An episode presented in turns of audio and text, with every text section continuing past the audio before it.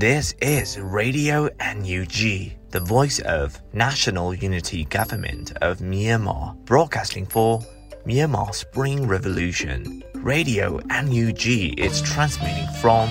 shortwave 16 meter 17.79 megahertz at 8:30 a.m. and 25 meter 11.94 megahertz at 8:30 p.m. Myanmar Standard Time. မင်္ဂလာပါခင်ဗျာ အမျိုးသားညီညွတ်ရေးအစိုးရရဲ့အတန်လွင့်ဌာန Radio NUG ကိုမနက်ပိုင်း၈နာရီခွဲမှာလိုင်းတို16မီတာစက္ကန့်တက်သမ9 MHz ညပိုင်း၈နာရီခွဲမှာလိုင်းတို25မီတာ17တက်သမ6 MHz တို့မှာဓာတ်ရိုက်ဖမ်းယူနိုင်နိုင်ပါပြီမင်္ဂလာအပေါင်းနဲ့ပြည့်စုံကြပါစေအခုချိန်ကစပြီး Radio NUG အစီအစဉ်တွေကိုဓာတ်ရိုက်အတန်လွှင့်ပေးနေပါပြီ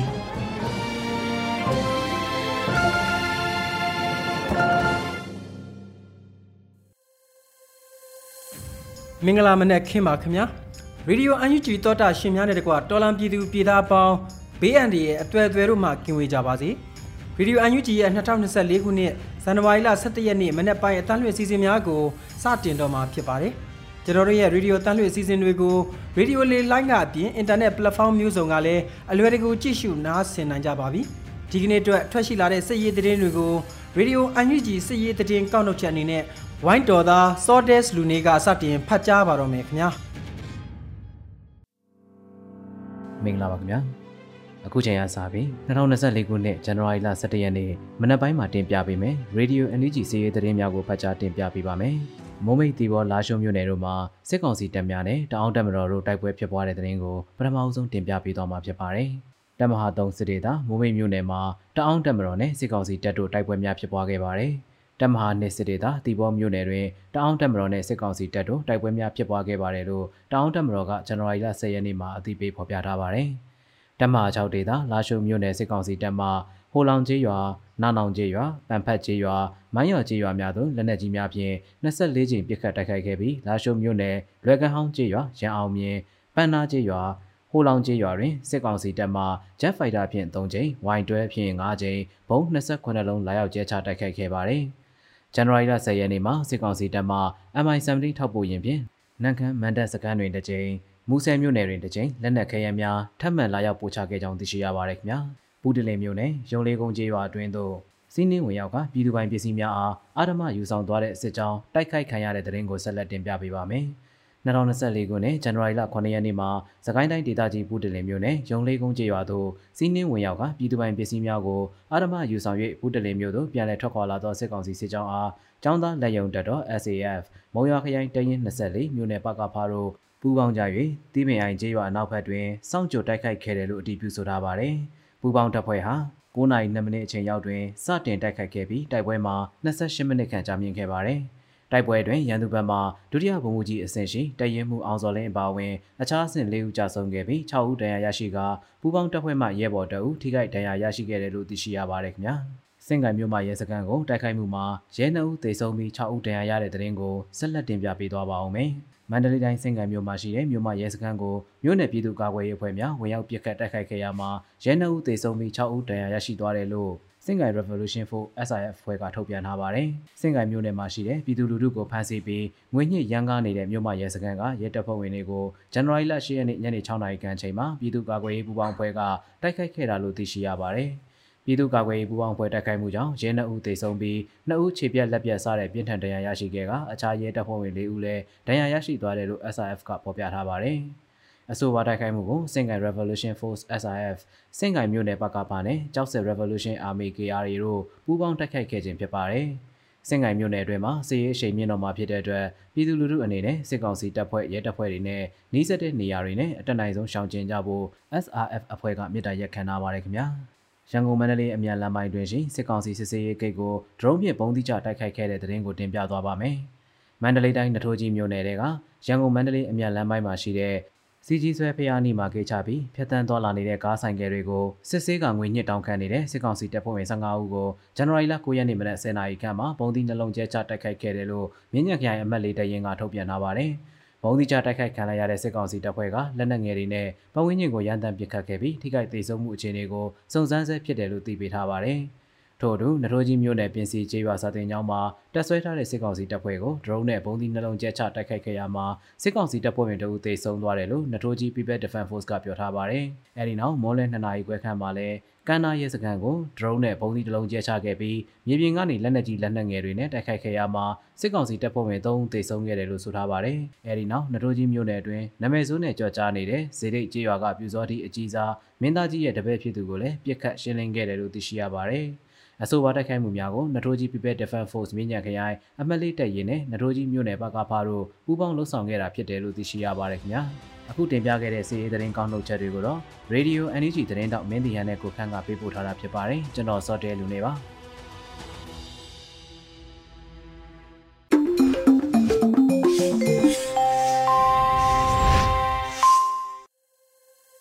စစ်ရေးသတင်းများကိုနားဆင်ကြကြတာပါ ဆက်လက်ပြီးပြည်တွင်းသတင်းများကိုတော့ຫນွေဦးနိုင်ကတင်ပြပါဦးမယ်ခင်ဗျာ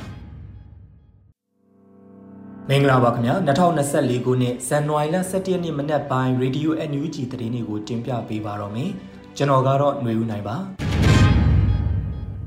အခုပထမဆုံးတစ်ပုတ်အနေနဲ့ရဲစက်ရုပ်မာတဲ့အကြမ်းဖက်စစ်ကောင်စီတွေဟာစစ်ရှုံးပြီးဘာမှမစွမ်းဆောင်နိုင်တဲ့အခြေအနေရောက်နေပြီလို့ဝန်ကြီးချုပ်ပြောကြားတဲ့သတင်းကိုတင်ပြပေးပါမယ်ဇန်နဝါရီလ10ရက်မှာဝန်ကြီးချုပ်၏ လူမှုကွန်ရက်မှာဖော်ပြထားတဲ့ပြည်ထောင်စုဝန်ကြီးချုပ်၏မိန့်ခွန်းကောက်နှုတ်ချက်မှာဖော်ပြထားပါတယ်။ရက်ဆက်ရုံမာတဲ့အကြမ်းဖက်စစ်ကောင်စီတွေဟာတစ်ဖက်မှာဆိတ်ရှုံးပြီးမြို့တွေစွန့်ရစခန်းတွေစွန့်ရဖြစ်နေတာကိုဘာမှမစွမ်းဆောင်နိုင်တဲ့အခါအပြစ်မဲ့ပြည်သူတွေကိုပဲပြစ်မှတ်ထားလာတာမျိုးတွေ့ရလို့ပြည်သူတွေအတွက်အလွန်ပဲစိတ်ထိခိုက်ရပါတယ်လို့ဝန်ကြီးချုပ်ကဆိုပါတယ်။တဆေ20ခွန်စစ်စင်ရေးကာလအတွင်းမှာပင်အကြမ်းဖက်စစ်ကောင်စီဟာဗိုလ်မှူးချုပ် ရှစ်ဦးအထိဆုံးရှုံးခဲ့ပြီးတော့ MNDAA ကလောက်ကိုင်မျိုးကိုအပိသက်ထိန်းချုပ်လိုက်နိုင်တဲ့အခြေအနေမှာစစ်သားနဲ့မိသားစုစုစုပေါင်း4000ခန့်လက်နက်ချခဲ့ကြတယ်လို့သိရပါတယ်ခင်ဗျာဆလဘီအမျိုးသားညီညွတ်ရေးအစိုးရနဲ့လူထုတပိတ်ကော်မတီတို့ပူးပေါင်းပြီးလူထုတိုက်ပွဲနဲ့စီရေးတိုက်ပွဲဆိုင်ရာမဟာဗျူဟာရှင်းလင်းမှုနဲ့ပတ်သက်ပြီးဆွေးနွေးပွဲကျင်းပတဲ့တဲ့တင်ကိုတင်ပြပေးပါမယ်။အမျိုးသားညီညွတ်ရေးအစိုးရမှဦးဆောင်ပြီး လူထုတပိတ်ကော်မတီတို့ပူးပေါင်းကစကိုင်းတိုင်းမြောင်စလင်းကြီးဒဇယ်ဘူးတလင်မြို့နယ်များမှပြည်သူ့အုပ်ချုပ်ရေးအဖွဲ့ပြည်သူ့ကာကွယ်ရေးအဖွဲ့ပြည်သူ့လုံခြုံရေးတပ်ဖွဲ့များတပိတ်အင်အားစုများနဲ့တပ်ဆိုင်ရာခရိုင်ပြည်သူ့အုပ်ချုပ်ရေးအဖွဲ့များလူထုတိုက်ပွဲနဲ့စစ်ရေးတိုက်ပွဲဆိုင်ရာမဟာဗျူဟာရှင်းလင်းမှုနဲ့ပတ်သက်ပြီးဆွေးနွေးပွဲတစ်ခုကိုဇန်နဝါရီလ10ရက်နေ့ကကျင်းပခဲ့ပါတယ်။အဆိုပါတွေ့ဆုံပွဲမှာလူသားချင်းစာနာထောက်ထားရေးနဲ့ BND ဆိုင်ရာစီမံခန့်ခွဲရေးဝန်ကြီးဌာန ပြည်ထောင်စုဝန်ကြီးဒေါက်တာဝင်းမြတ်အေးကအဖွင့်မှာစကားပြောကြားခဲ့ပါတယ်။ဆက်လက်ပြီးပြည်ထရေးနဲ့လူဝင်မှုကြီးကြပ်ရေးဝန်ကြီးဌာနပြည်ထောင်စုဝန်ကြီးဦးလွင်ကိုလက်နဲ့လူထုကောင်းဆောင်ဦးမင်းကိုနိုင်တို့ကနှုတ်ခွန်းဆက်စကားပြောကြားခဲ့ပြီးတော့လူထုတပိတ်ကော်မတီမှမဟာဗျူဟာနဲ့ပတ်သက်ပြီးရှင်းလင်းပြောကြားခဲ့ရာတက်ရောက်လာကြတဲ့အဖွဲ့များမှအဖွဲ့ဝင်များကအပြန်အလှန်မေးမြန်းဆွေးနွေးခဲ့ကြပါတယ်။တွေးဆောင်ပွဲကိုပြည်ထောင်စုဝန်ကြီးများဖြစ်ကြတဲ့ဒေါက်တာဝင်းမြတ်အေး ဦးလွင်ကိုလက်တို့နဲ့အတူဦးမင်းကိုနိုင်ဒေါက်တာတီဇာဆန်းဝန်ကြီးဌာနအသီးသီးမှအမြဲတမ်းအတွင်းဝန်တွဲဘက်အမြဲတမ်းအတွင်းဝန်နဲ့တာဝန်ရှိသူများမြောင်စလင်းကြီးဒဇယ်ဘူးတလင်မြို့နယ်များမှပြည်သူ့အုပ်ချုပ်ရေးအဖွဲ့ပြည်သူ့ကာကွယ်ရေးအဖွဲ့ပြည်သူ့လုံခြုံရေးတပ်ဖွဲ့များတပိတ်အင်အားစုများနဲ့တပ်ဆိုင်ရာခရိုင်ပြည်သူ့အုပ်ချုပ်ရေးအဖွဲ့များမှတက်ရောက်ခဲ့ကြတယ်လို့သိရပါတယ်ခင်ဗျာဂျာကာလာဒေသန္တရပြည်သူ့အုပ်ချုပ်ရေးဖော်ဆောင်မှုဘိုးကော်မတီနဲ့မန္တလေးတိုင်းမကွေးတိုင်းမြို့နယ်ပြည်သူ့အုပ်ချုပ်ရေးအဖွဲ့များ တွေ့ဆုံဆွေးနွေးပွဲကျင်းပတဲ့တဲ့ရင်ကိုဆက်လက်တင်ပြပေးပါမယ်။အမျိုးသားညီညွတ်ရေးအစိုးရဂျာကာလာဒေသန္တရပြည်သူ့အုပ်ချုပ်ရေးဖော်ဆောင်မှုဘိုးကော်မတီနဲ့မန္တလေးတိုင်းမကွေးတိုင်းမှမြို့နယ်ပြည်သူ့အုပ်ချုပ်ရေးအဖွဲ့များတွေ့ဆုံဆွေးနွေးပွဲအစည်းအဝေးနှစ်မြင်းဆောင်2024ကိုဇန်နဝါရီလ10ရက်နေ့ကကျင်းပခဲ့ပါတယ်။အစည်းအဝေးမှာဂျာကာလာဒေသန္တရပြည်သူ့အုပ်ချုပ်ရေးဖော်ဆောင်မှုဘိုးကော်မတီအထွေထွေမှုအဖွဲ့ဝင်စီမံကိန်းဗန်နာရေးနဲ့ရင်းနှီးမြှုပ်နှံရေးဝန်ကြီးဌာနအမြဲတမ်းအတွင်းဝန်မှအဖွဲ့အမှားစကားပြောကြားခဲ့ပါတယ်။ အဲဒီနောက်တက်ရောက်လာကြတဲ့မြို့နယ်ပြည်သူ့အုပ်ချုပ်ရေးအဖွဲ့ဝင်များမှမူဝါဒလမ်းညွှန်ချက်များလုပ်ငန်းဆောင်ရွက်ချက်များမြေပြင်အခက်အခဲများနဲ့ပတ်သက်ပြီးသိရှိလိုရာများကိုမေးမြန်းခဲ့ကဝန်ကြီးဌာနတာဝန်ရှိသူများမှပြန်လည်ဖြေကြားခဲ့ကြပါတယ်။အဆိုပါတွေ့ဆုံပွဲကိုအမြဲတမ်းအတွင်းဝန်များတွဲဘက်အတွင်းဝန်များဌာနဆိုင်ရာများမှတာဝန်ရှိသူများနဲ့မန္တလေးတိုင်းမကွေးတိုင်းမှမြို့နယ်ပြည်သူ့အုပ်ချုပ်ရေးအဖွဲ့ဝင်များတက်ရောက်ခဲ့ကြပြီးတော့နေ့လယ်2နာရီအချိန်မှာရပ်နာခဲ့ကြတယ်လို့သိရပါတယ်ခင်ဗျာ စစ်အာဏာရှင်စနစ်တိုက်ဖြတ်ရေးလက်နက်ကင်လမ်းစဉ်ဖြင့်စီရင်နီလန်တစ်ခုတည်းသာကြန့်ရှိတော်ဟု KNU ဥက္ကဋ္ဌပြောကြားတဲ့သတင်းကိုဆက်လက်တင်ပြပေးပါမယ်ဆီယနာရှင်ပြုတ်ကျရေးနဲ့ဆီယနာရှင်စနစ်ဖြတ်သိမ်းရေးဆီယနာသိမ်းမှုကိုစန့်ကျင်တွန်းလှန်ရေးမှလက်နက်ကင်လန်းစဉ်ဖြင့်စီရင်နီးလက်တစ်ခုတည်းသာကြန့်ရှိတော်ဟုကရင်အမျိုးသားအစည်းအရုံး KNU ဥက္ကဋ္ဌဘဒူစောကွယ်ထူးဝင်းကကရင်နှစ်တကူနေ့နှုတ်ခွန်းဆက်စကားမှာထည့်သွင်းပြောကြားခဲ့တာဖြစ်ပါတယ်။ဒိုင်းသားလူမျိုးများအပြင် ပြည်သူလူထုများစွာနဲ့လူငယ်များဟာဗမာစစ်တပ်ကိုစီရင်နီးလန်းဖြင့်လက်နက်ဆွဲကင်တော်လှန်မှုများလဲပူမှုများပြားပြင်းထန်လာခဲ့ပြီးတော့ ဗမာစစ်တပ်မှအာဏာသိမ်းခဲ့သည်မှာယခုနှစ်ဆိုရင်၃နှစ်ပြည့်တော့မှာဖြစ်ပြီးတော့တန်ကင်းတမန်ကင်းဆိုင်ရာစီရေးဆိုင်ရာနိုင်ငံရေးဆိုင်ရာလူမှုရေးဆိုင်ရာစတဲ့နည်းလမ်းအမျိုးမျိုးဖြင့်တော်လှန်မှုဟာပုံမအားကောင်းလာပြီးတော့စစ်ကောင်စီတပ်ကအဖက်ဖက်မှကြက်တဲယိုရွေးမှုအခက်အခဲများကိုကြုံတွေ့ခံစားနေရပြီဖြစ်တယ်လို့အသိပေးထားပါတယ်။တိုင်းပြည်တဝန်တိုက်ပွဲများအတွင်စစ်ကောင်စီတပ်သားများအကြအဆုံးများပြားလာပြီးတော့စိတ်တက်ယိုယွင်းပျက်စီးကတော်လှန်ရေးတပ်များထံလက်နက်ချမှုများရှိလာခဲ့ကြောင်း စစ်ရေးဆိုင်ရာခုခံတိုက်ခိုက်မှုများကိုနှိမ်နင်းရန်အတွက်လူမဆန်တဲ့စစ်စင်ရေးနီလန်းများကို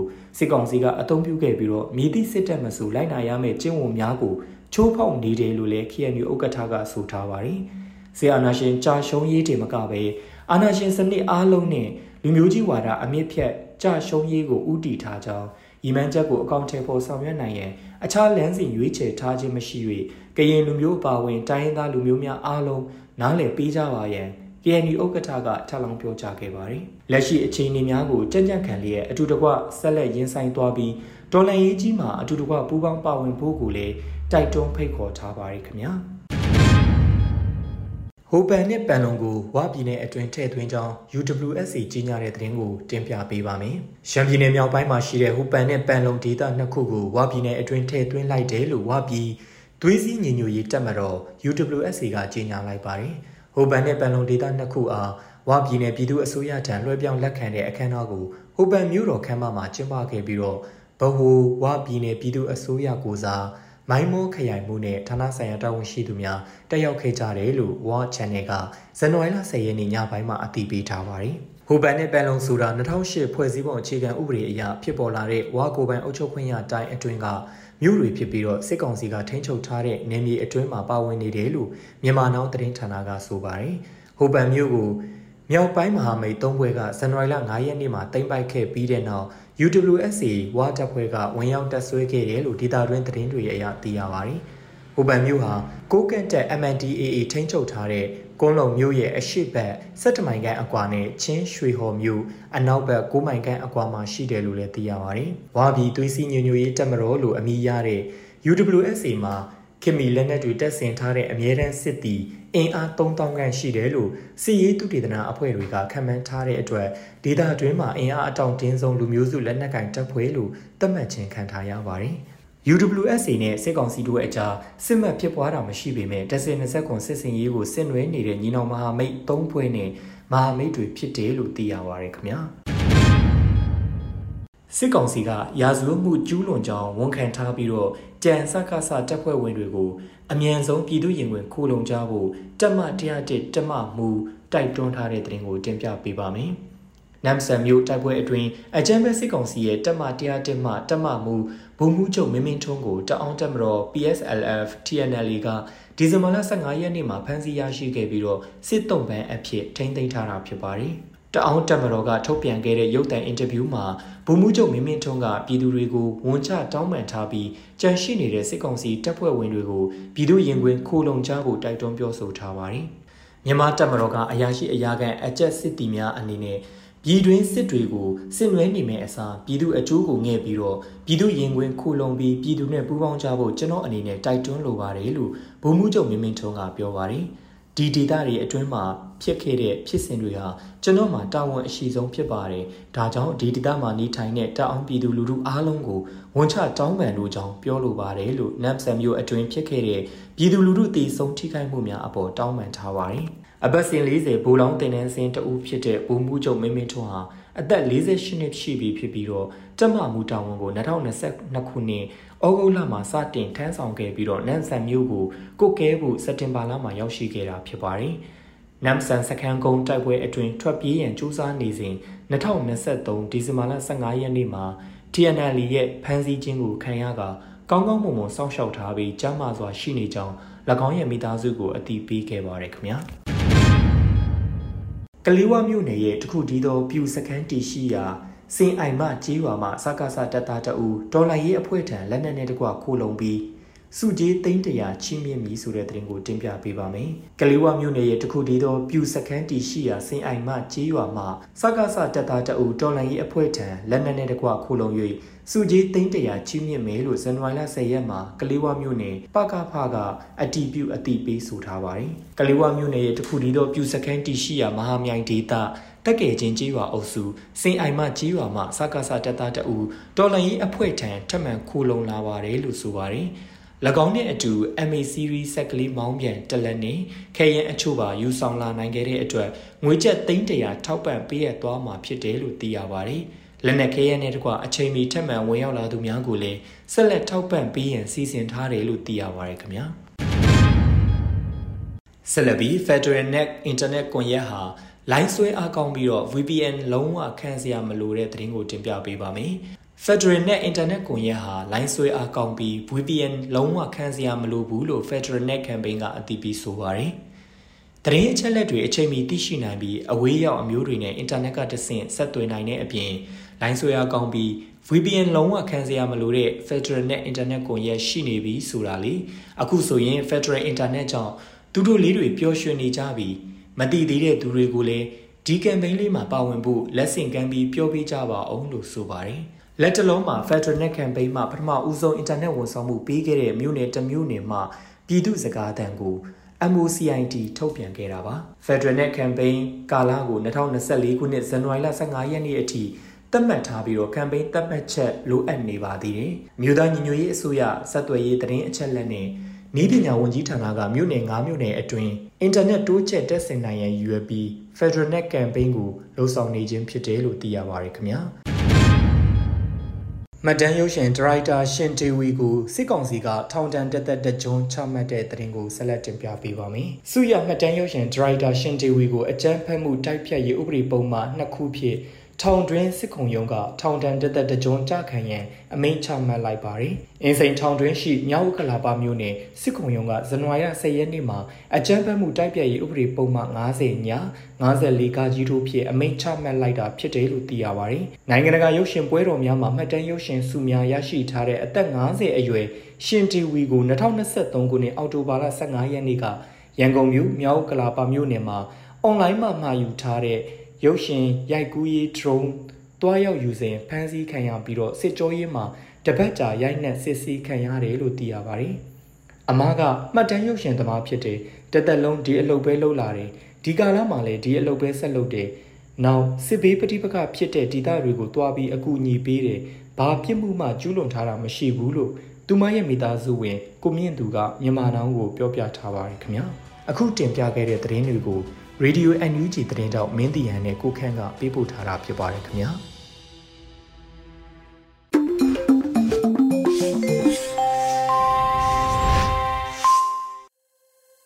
ရေဒီယိုအန်ယူဂျီရဲ့ဇန်နဝါရီလ17ရက်နေ့မနေ့ပိုင်းအသံလွှင့်အစီအစဉ်များကိုနားဆင်နေကြတာဖြစ်ပါတယ်။ဆက်လက်ပြီးနားဆင်ရအောင်မှာကတော်လန်ရေးကြပြဖြစ်ပါတယ်။ကျော်မင်းထွန်းနယူးယောက်ရေးသားပြီးຫນွေဦးမိုးကခန်းစားယူဖတ်ထားတာပါ။နှင်းလို့အမိရပါတယ်ခင်ဗျာ။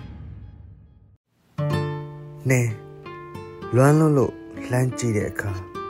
အာယုံထဲမှာပေါ်လာတာနှင်းမျက်နှာချစ်လွန်းလို့နမ်းကြည့်တဲ့အခါရေခဲပမာအရေပျော်သွားတာနှင်းမျက်နှာတတိယလို့ဖုန်းခေါ်တဲ့အခါအတန်ထဲမှာမြင်နေရတာနှင်းမျက်နှာအိမ်ပြန်ဖို့လမ်းပြောက်တဲ့အခါအိမ်မက်ပမာစောင်းလိုက်ရတာနှင်းမျက်နှာ အယုံလင်းလို့နေထွက်တဲ့အခါဖုတ်ဖက်ခါထွက်ခွာသွားတာနှင်းမျက်နှာအာနာရှင်ခစ်တဲ့ကြမှာအသေးကွဲရတယ်လို့မကြည်ကွဲလို့ပါຫນွေဦးတော်လန်ရေးမှာရက်စပါနှင်းရင်ရက်စပါ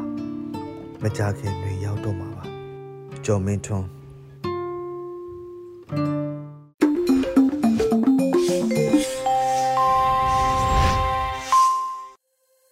အမျိုးသားညွရေးအစိုးရဆက်သွယ်ရေးတည်င်းချက်လက်နဲ့ဤပညာဝန်ကြီးဌာနရေဒီယိုအန်ယူတီကမနေ့ပိုင်းအစီအစဉ်များကိုဆက်လက်ထုတ်လွှင့်နေပါတယ်။အခုတခါ PPTV ရဲ့နေ့စဉ်သတင်းများကိုနားဆင်ရအောင်မှာပါ။နေချီကဖတ်ကြားထားပါတယ်ခင်ဗျာ။ခုချိန်ကစပြီး PPTV သတင်းတွေကိုတင်ဆက်ပေးတော့မှာပါ။ကျွန်မနေကြပါရှင်။ ပထမဆုံးတင်ဆက်ပေးပါကတော့ကော်လီပြိုတွေကိုအပြဲတဲ့တွင်းဝင်ဥက္ကဋ္ဌသွားရောက်ပြီးအရေးပေါ်ကောင်လာအုပ်ချုပ်ရေးလုပ်ငန်းများဆောင်ရွက်ထားမှုကိုကြီးကြပ်ဆောင်ရွက်တဲ့တဲ့ပါ စကိုင်းတိုင်းကော်လီခရိုင်ကော်လီပြိုကိုအမျိုးသားညီညွတ်ရေးဆိုရပြည်ထောင်တဲ့လူမှုကြီးကြပ်ရေးဝန်ကြီးဌာနအပြည့်တဲ့တွင်ဝင်ဥက္ကဋ္ဌသွားရောက်ပြီးအရေးပေါ်ကာလအုပ်ချုပ်ရေးလုပ်ငန်းများဆောင်ရွက်ထားမှုအခြေအနေကိုကြီးကြပ်ဆောင်ရွက်တာတွေလုပ်ခဲ့ပါတယ်။အပြည့်တဲ့တွင်ဝင်တဲ့အဖွဲ့ကစလဝိုင်းလ9ရက်နေ့မနက်မှာကော်လီပြိုပါဈေးကြီးအတွေ့ကိုလှည့်လည်ကဈေးလည်ပတ်ဖို့အခြေအနေများကိုကြီးစုစစ်ဆေးကြပြီးဈေးရောင်းဈေးဝယ်သူများနဲ့ရည်လီစွာပြောဆိုခဲ့သလိုဈေးအခြေအနေကိုလည်းပေးပြန်ခဲ့ပါတယ်။အဲ့ဒီနောက်အပြည့်တဲ့တွင်ဝင်တဲ့အဖွဲ့က para သိမ့်ပိုက်ထိတ်ချုပ်ထားတဲ့ကော်လေးခရိုင်နဲ့ကော်လေးမြို့နယ်အုပ်ချုပ်ရေးရုံးပြားကိုတွားရောက်ပြီးရုံးအတွင်းခြေလေပြားကိုကြည့်ရှုကအထွေထွေအုပ်ချုပ်ရေးဦးစီးဌာနရုံးပြားရှိစာရွက်စာတမ်းများပရိဘောဂပစ္စည်းများအခြားမှတ်တမ်းများကိုစနစ်တကျသိသိထားရှိရန်လမ်းညွှန်ခဲ့ပါတယ်။အဲဒီကလေကော်လေးဘော်ဒါကိုတွားရောက်တာဘူရာအတွင်းခြေလေကိုလေ့လာခဲ့ပြီးနောက်ပြိုတွေကိုလှည့်လည်ကြည့်ရှုပြီးမြို့လုံခြုံရေးဆောင်ရွက်မှုများကိုကြည့်ရှုစစ်ဆေးခဲ့ပါတယ်။အပြည့်တဲ့တွဲဝင်တဲ့အဖွဲ့ကကော်လေးမြို့နယ်ပြည်သူ့အုပ်ချုပ်ရေးအဖွဲ့နဲ့တွေ့ဆုံပြီးနေ့လယ်ပိုင်းမှာအစည်းအဝေးတရက်ကျင်းပပြုလုပ်ခဲ့ရာမြို့နယ်ပြည်သူ့အုပ်ချုပ်ရေးအဖွဲ့က၎င်းတို့ဆောင်ရွက်ထားရှိတဲ့အခြေအနေများကိုကဏ္ဍလိုက်တင်ပြဆွေးနွေးခဲ့ကြပါတယ်။ ဒါအပြင်အမြဲတမ်းတွင်းဝင်တဲ့အဖွဲ့ကကော်လေးမြို့နယ်ပြည်သူ့လုံခြုံရေးအဖွဲ့နဲ့တွေ့ဆုံပြီးအစည်းအဝေးပြုလုပ်ခဲ့သလိုပြည်သူ့လုံခြုံရေးတပ်ဖွဲ့အချုပ်ခန်းမှာထိတ်သိမ်းထားရှိတဲ့အချုပ်သားအချုပ်သူများကိုရင်းနှီးစာတွေ့ဆုံပြီးအချုပ်ခန်းအတွင်းနေထိုင်ရမှုများအချုပ်သားများရဲ့လိုအပ်ချက်များကိုဆွေးနွေးမေးမြန်းခဲ့ပြီးနောက်အချုပ်သားများကျန်းမာရေးစောင့်ရှောက်မှုအခြေအနေများကိုကြည့်ရှုစစ်ဆေးခဲ့ပါတယ်။အဆိုပါကော်လေးမြို့ခရီးစဉ်မှာပြည်ထောင်စုလူမှုကြီးကြပ်ရေးဝန်ကြီးဌာနအပြည့်တဲ့တွင်ဝင်ဥက္ကဋ္ဌနဲ့အတူကော်လေးခရိုင်ပေါင်းဆက်လှိလာရေးကော်မတီမှတာဝန်ရှိသူများကော်လေးခရိုင်ပြည်သူ့အုပ်ချုပ်ရေးအဖွဲ့ကော်လေးမြို့နယ်ပြည်သူ့အုပ်ချုပ်ရေးအဖွဲ့မြို့နယ်ပြည်သူ့လုံခြုံရေးအဖွဲ့တို့မှတာဝန်ရှိသူများလိုက်ပါဆောင်ရွက်ခဲ့ကြတယ်လို့ပြည်ထောင်စုလူမှုကြီးကြပ်ရေးဝန်ကြီးဌာနကသတင်းထုတ်ပြန်ထားပါတယ်။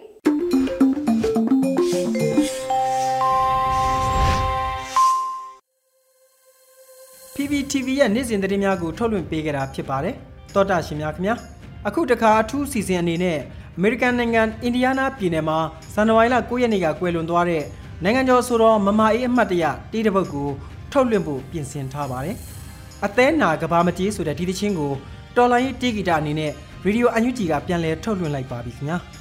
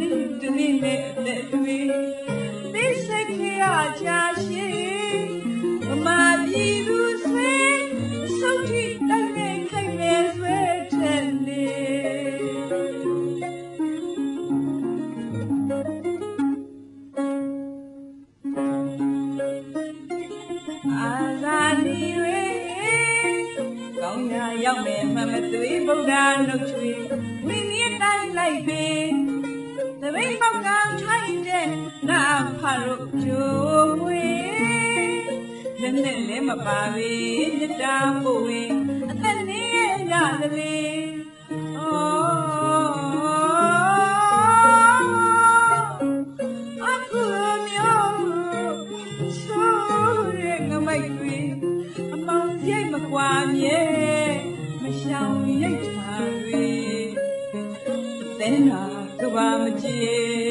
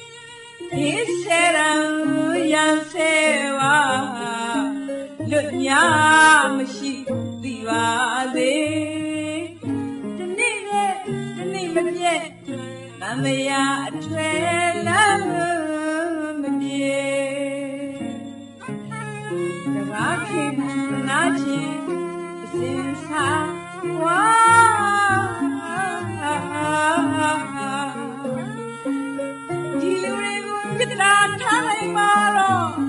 ဘလား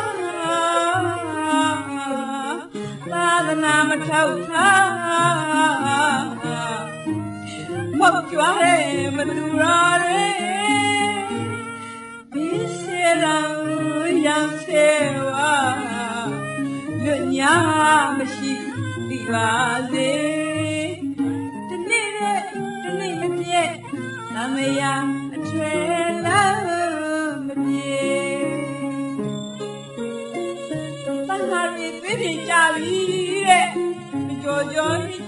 သွေးကြပါများမကြရင်မောင်ဘူးလောက်ခံစားပင်လေချစ်သွားရည်များတနေ့တနေ့နဲ့အသက်တွေသိစခရကြာရှိဗမာပြည်လူဆွေအစောထိတက်နေခိုင်နေဆွဲချင်နေ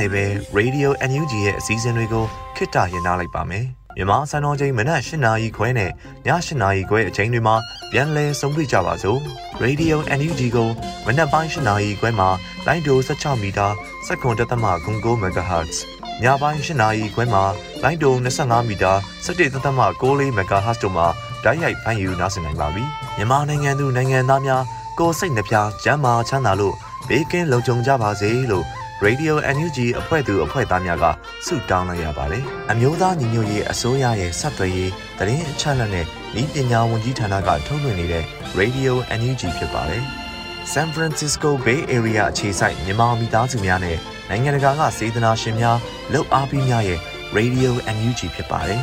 ။အရေးတော်ပုံအောင်ရမည်